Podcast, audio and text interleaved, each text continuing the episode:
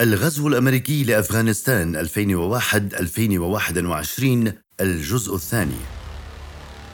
بعدما اهتز العالم جراء أحداث الحادي عشر من سبتمبر أدانت حركة طالبان بشدة هذا الهجوم. لكن الإدارة الأمريكية وجهت إنذارا لها تقول فيه أنه أصبح من الضروري تسليم أسامة بن لادن ويجب على طالبان أن تغلق معسكرات تدريب القاعدة على الفور كما أن تعطي طالبان الحق للولايات المتحدة للوصول إلى هذه المعسكرات وتفتيشها. ترفض طالبان الإنذار الأمريكي وترد الحركة بأن بن لادن محمي بموجب قوانين الضيافة التقليدية لديها كما طالبت طالبان الإدارة الأمريكية بدليل يثبت التهمة على بن لادن. ترد الإدارة الأمريكية وتقول أن مطالبها ليست للتفاوض بل للتنفيذ. كرد فعل فوري. بدأت الولايات المتحدة بشن غارات جوية على أفغانستان ليشتد موقف طالبان الرافض لتسليم بن لادن. واقترحت الأخيرة أنه من الممكن تسليم بن لادن إلى دولة ثالثة لا تستطيع أمريكا الضغط عليها وذلك في حال إعطاء الأدلة المناسبة لطالبان بشأن تورط بن لادن. لم يلقى هذا المقترح أي صدى يذكر في الإدارة الأمريكية التي زادت من حدة قصفها لمطار العاصمة والمدن المجاورة لها. كان أول الواصلين لأفغانستان وحدة قوات خاصة أمريكية دخلت البلاد سرا. وبدأت الوحدة بإعداد التقارير واستطلاع الوضع في المنطقة. كما تعاونت مع قوات الائتلاف الشمالي وساعدتهم على استرجاع بعض المدن من طالبان لتنطلق في السابع من أكتوبر تشرين الأول من عام 2001 عملية الحرية الدائمة بقيادة الولايات المتحدة وبريطانيا حيث طردت القوات الغازية طالبان من السلطة عبر عمليتي أناكوندا وتورابورا فهرب عناصر الحركة إلى الجبال المجاورة كما هرب آخرون لباكستان وبنت القوات الأمريكية والبريطانية قواعد لها على أطراف المدن الرئيسية في البلاد. مقاتلو القاعدة وفي العام 2002 قاموا بشن هجمات متفرقة استهدفوا فيها قوات التحالف الأمريكي والمنظمات الغير حكومية ودورياتها أيضا. لتشهد بعض القواعد الأمريكية أحد أعنف الهجمات الصاروخية من القاعدة. في هذا الوقت كان مقاتلو طالبان لا يزالون مختبئين في الجبال والمناطق الريفية. الأمر الذي دفع الولايات المتحدة للطلب من حليفتها بريطانيا بنشر مشاة البحرية العالية الكفاءة لديها في تلك المناطق للبحث والتقصي وإلقاء القبض على عناصر طالبان. لتنشر طالبان في أوائل العام 2003 بعد وجود هذه القوات منشورات في المدن الأفغانية تحث الناس على الانتفاضة والجهاد ضد الاحتلال الأمريكي البريطاني لتهاجم القوات المتحالفة مجموعة من مقاتلي طالبان كانوا ضمن كهف وتقتل 18 عنصرا منهم.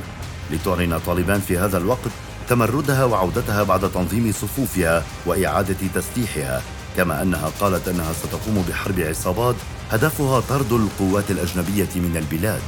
لكن الاهتمام الأمريكي كان قد قل بعد بدئها بغزو العراق ليتسلم حلف الناتو بشكل شبه كلي قيادة العمليات هناك. كانت طالبان قد صعدت هجماتها ضد قوات التحالف في العام 2004 لترد عليها قوات التحالف للقصف بطائرات دون طيار على المدن الموالية لها.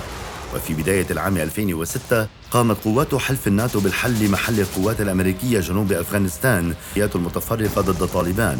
وفي يناير 2007 قام مشاة البحرية البريطانية بشن هجوم واسع النطاق في عملية سميت بعملية البركان فقتلت نحو 200 عنصر من طالبان كما أعلنت الحكومة البريطانية عزمها لزيادة قواتها في البلاد كما حصلت عمليات أخرى لزيادة الضغط على طالبان.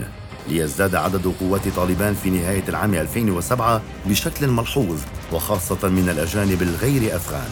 لتقوم طالبان بشن هجوم كبير على سجن قندهار عام 2008 وتحرر 1200 سجين كما شنت هجوما آخر على قاعدة فرنسية في قوات التحالف وتقتل عشرة جنود.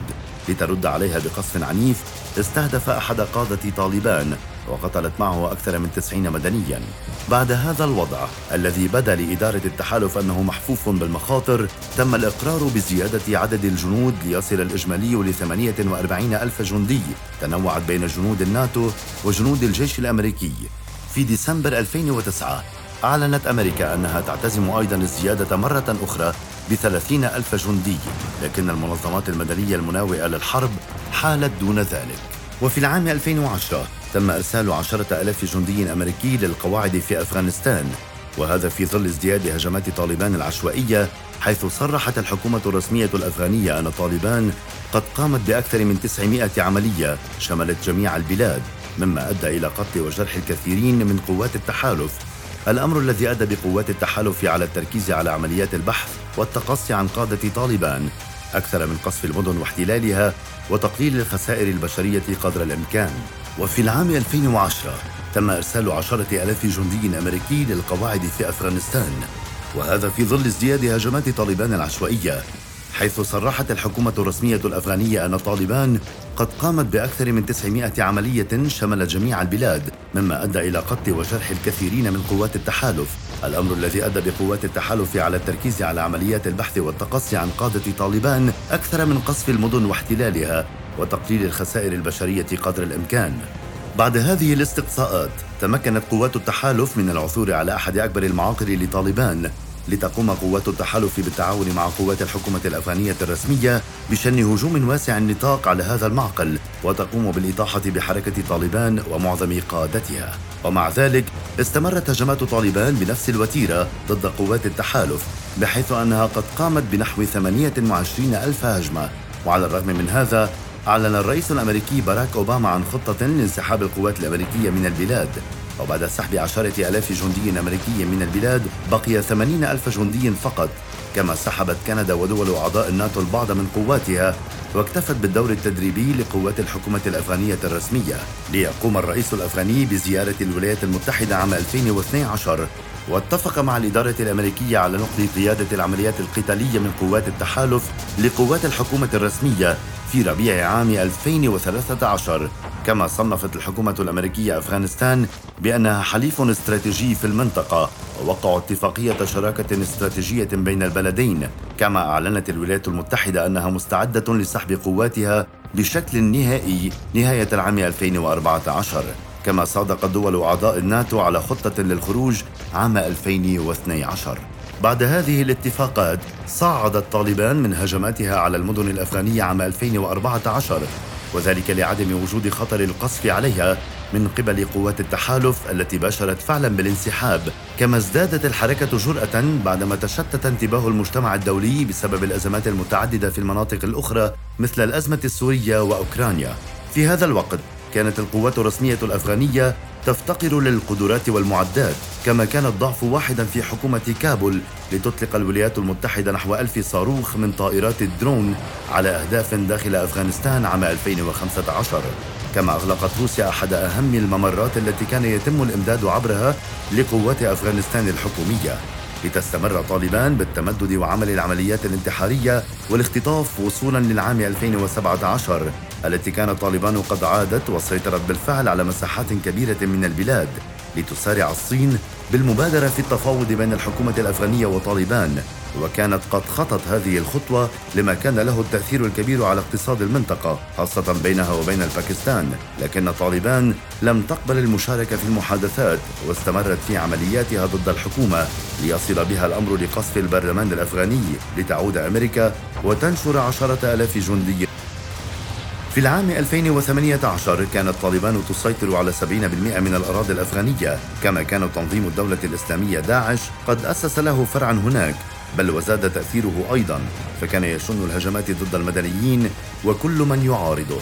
الأمر الذي أخاف جميع الأطراف حينها مما دعا موافقة طالبان على التفاوض مع الحكومة الأمريكية والحكومة الأفغانية في قطر عام 2019 لتخلص المفاوضات إلى خروج القوات الأجنبية من البلاد وعدم دعم طالبان لأي تنظيم إسلامي وعلى وجه الخصوص تنظيم الدولة. وفي آب من نفس العام سيطرت طالبان على كل البلاد تقريبا في الوقت الذي كانت فيه الولايات المتحدة على وشك الوصول لتوقيع اتفاق السلام الشامل بعد العرض الغني الأخير لفتح محادثات سلام شاملة مع طالبان. تنامت حركات السلام في البلاد وكانت مسيرات سليمة واعتصامات أمام السفارات. قد لعبت دورها في أن تستأنف المحادثات في ديسمبر 2019 وتم الاتفاق على وقف جزئي لإطلاق النار. كما دعا الاتفاق لتبادل الأسرى لكن هذا الاتفاق لم تكن حكومة أفغانستان الرسمية طرفا فيه. فاعترضت وقالت أنه ليس من حق الولايات المتحدة الاقتراح بالإفراج عن مساجين في السجون الأفغانية فهذا من ضمن سلطات الحكومة الرسمية. وفي العام 2020 وبعد رفض الحكومة الأفغانية الإفراج عن السجناء هاجمت طالبان العاصمة كابول بكل ما أوتيت من قوة. لتستولي على العاصمة في غضون شهور بعدما هرب الرئيس الأفغاني على متن طائرة هليكوبتر. وتأخذ طالبان مبنى الحكومة الرسمي وتعلن انتهاء الحرب من هناك. بعد استيلاء طالبان على العاصمة تركز اهتمام الجيش الأمريكي على مساعدة المهددين من قبل طالبان وهم الأفراد الذين عملوا معهم كمترجمين وسيطين والموظفين الحكوميين والدبلوماسيين. فصبت اهتمامها على حماية المطار لتقلع آخر طائرة إجلاء أمريكية من مطار العاصمة في الساعة الحادية عشر وتسع وخمسين دقيقة. لا إحصائيات دقيقة للخسائر في هذه الحرب الطويلة لكن ما يعرف أن أعداد اللاجئين فاقت الخمسة مليون لاجئ. كما استنزفت الاقتصاد الأمريكي بشكل كبير ناهيك عن عدد الجنود الذين راحوا ضحية الحرب من جميع الأطراف الذي وصل لحدود ال 2.5 مليون مقاتل وعسكري. أما الضحايا المدنيون فتختلف التقارير نتيجة حالات الخطف والاختفاء التي شملت البلاد كلها. كانت حربا ثقيلة جدا ومرعبة أيضا وبقي الطالبان في السلطة إلى يومنا هذا.